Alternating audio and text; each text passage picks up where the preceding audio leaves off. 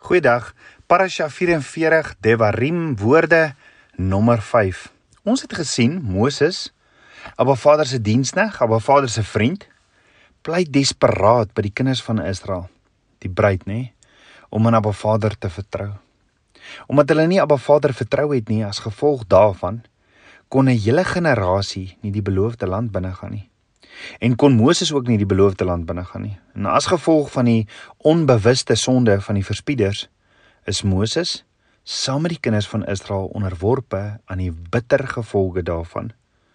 Is dit hoekom Moses nie die beloofde land ingegaan het nie? Daar's twee antwoorde op die vraag. Want daar's ook dalk twee redes waarom Moses moontlik in die land kon ingaan. Hy sou miskien in die land kon ingaan as 'n gewone burger soos enigiemand anders. Of hy kon in die land ingegaan het omdat hy die leier was wat hulle nodig gehad het om hulle daarheen te lei. So as jy die boek Numeri lees, dan kan Moses nie die mense in die land inneem nie, want hy het die rots geslaan. Dit weet ons. Maar as jy mooi gaan lees wat presies daar staan, dan staan daar Moses kan nie die kinders van Israel die land inlei nie.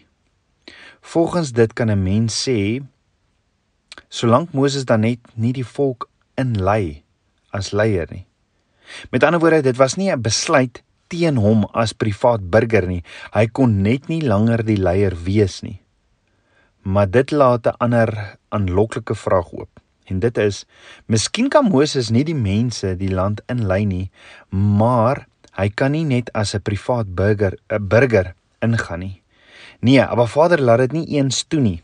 En die rede waarom dit nie al alrede was dat hy die beloofde land in mag gegaan het omdat hy die rots geslaan het nie is omdat die nageslag van die verspieders nie die land kon binnegaan nie. So ook mos nie Moses nie.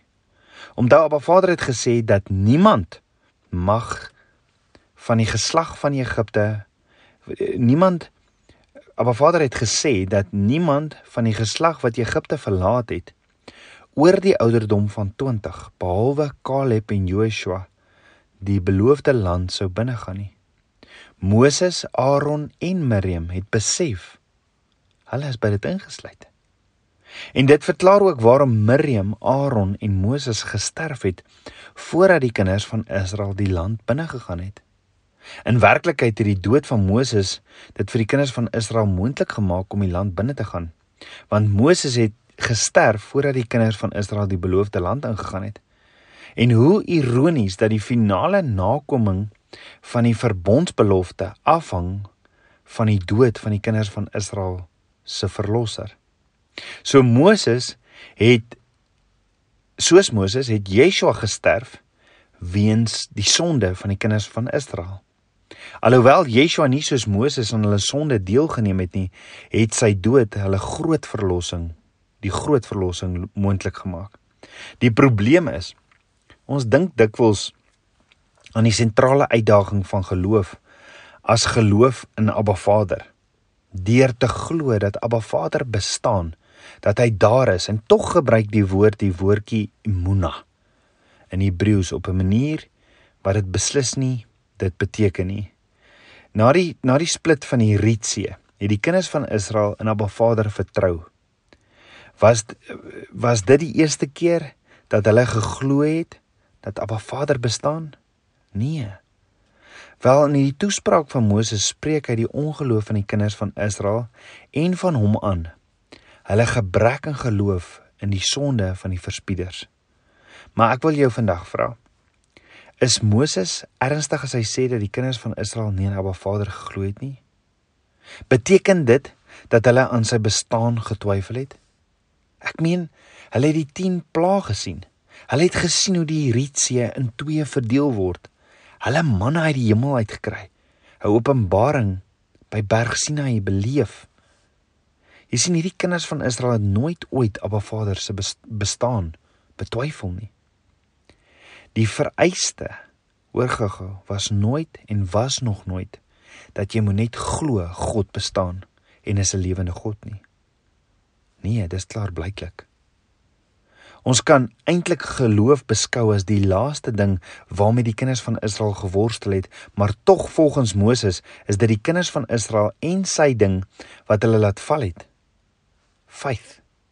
Jy sien die woord praat nie van geloof in terme van die geloof dat Abba Vader bestaan het nie. Die kinders van Israel het geweet dat Abba Vader bestaan, maar wat die woord ons regtig vertel en van leer is dat ware geloof 'n geloofsreis is waarin jy saam met Abba Vader wandel hand aan hand. As ons glo dat Abba Vader bestaan, is dit die begin. Dit is begin liga. Maar wat gebeur nadat jy dit glo? Dan begin die werklike reis van geloof. Dit is die groot liga. Nou die reis na 'n lewe, die reis nadat jy aanvaar het Abba Vader bestaan, jy gered is deur die bloed van die lam, geskied deur geloof. Met ander woorde, dis die geloofsreis. Maar wat is die definisie van geloof? Geloof in Hebreëus is imuna wat beteken a firm action towards the will of God. 'n Voorbeeld van imuna is Moses se arms wat in die lug was in die geveg teen teen Amalek. Onthou die kinders van Israel het net oorwinning behaal solank as wat Moses se arms in die lug was. Sy arms het so moeg geword dat Aaron en Ur sy arms omhoog gehou het. En hoor gou-gou. Moses se arms was imuna. Hulle was standvastig in die lig tot sonder onder sonsondergang. Jy sien imuna is 'n aksie van standvastigheid. En as jy na arms in die menslike verhouding kyk, is dit soos 'n pappa wat sy seentjie of dogtertjie opdra. Dis 'n aksie van standvaste kwaliteit in die verhouding tussen pa en kind. Dis 'n soort onwrikbare bereidwilligheid om Abba Vader te vertrou, selfs as jy jou diepste vrese met dit gekonfronteer word. So hoe kry ek die geloof? Wat het Moses vir die kinders van Israel gesê voor hulle die beloofde land ingegaan het? Kan jy onthou? Moses sê in Deuteronomium 1 vers 30 tot 31: Die Here julle God wat voor julle uittrek, hy sal vir julle stry. Net soos hy voor julle oë met julle in Egipte gedoen het en in die woestyn, waar jy gesien het hoe die Here jou God jou gedra het soos 'n man sy seun dra op die hele pad wat jy getrek het totdat jy tot by hierdie plek gekom het. Met ander woorde Moses doen 'n beroep op hulle ervaring. En dit bring my by drie dinge wat die kinders van Israel asook vir my en jou rasionele geloofsgronde gee. Nommer 1. Die eerste keer waar die woord geloof gebruik is in die uittog verhaal uit Egipte uit. Dis toe Moses die eerste keer by die oudstes van Israel gekom het en vir hulle gesê het: "Jahweh het na my toe gekom, my gestuur en hier is die tekens wat Jahweh aan my gegee het om julle te verlos." En die Israeliete het geglo dat Abba Vader hulle leiding 'n leiding gesien het. Met ander woorde, die eerste ding van geloof is dat ek moet weet dat Abba Vader vir my sal sorg. Dat hy empatie vir my het en dat hy my lyding sien. Abba Vader het ons so lief. Hy het sy enige gebore seun gegee wat medelee, wat empatie met ons het. En daarom het hy ook vandag met ons medelee. Hy het empatie met dit wat in ons land gebeur. Appa Vader sien dit en hy weet daarvan. Nommer 2. Die tweede keer wat die woord geloof in die uittog verhaal verskyn, is met die split van die see. Die kinders van Israel het na Appa Vader en sy diensnag Moses geglo, want wat het hulle nou weer gesien? Hulle het 'n ongelooflike vertoning van die krag van die Skepper van hemel en aarde gesien. Jy sien om regtig in iemand te vertrou, geloof te hê in iemand, is dit nie genoeg dat jy net empatie het nie. Jy moet ook die krag hê om mos te help. Net so het Abba Vader vir ons die krag gegee as ons Yeshua aanvaar as ons verlosser, as die lam van God.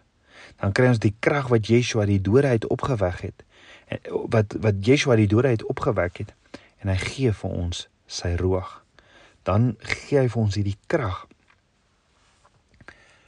om die moontlike te doen en dan doen hy die onmoontlike. Dan nommer 3. Maar selfs as jy weet dat jy die krag en autoriteit het om jou te help en al weet jy dat hy omgee en empatie het, moet jy nog een iets weet en dit bring ons by die derde instansie van geloof wat in die woord opgeteken is en dit gebeur by Berg Sinai. Toe die kinders van Israel op 'n Vader se stem hoor, sy woord ontvang. Dink gou-gou hieroor. Het jy ooit gewonder hoekom 'n boer plant? 'n Boer plant want hy het geloof en hy glo hy gaan 'n beloning ontvang.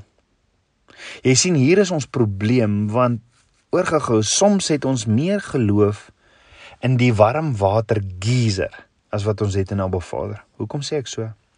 Wat gebeur as ek die warmkraan oopmaak om my hande te was? Die water kom uit, maar die water is nie dadelik warm nie en dan sal ons daar staan en wag by die kraan tot die water warm is, nê? Ja, ons staan met ons hande uitgesteek net reg vir die water om warm te word. Want ons weet die oomblik as ek die warm kraan oopmaak, is dit dalk nog koud, maar ons weet dit gaan warm word.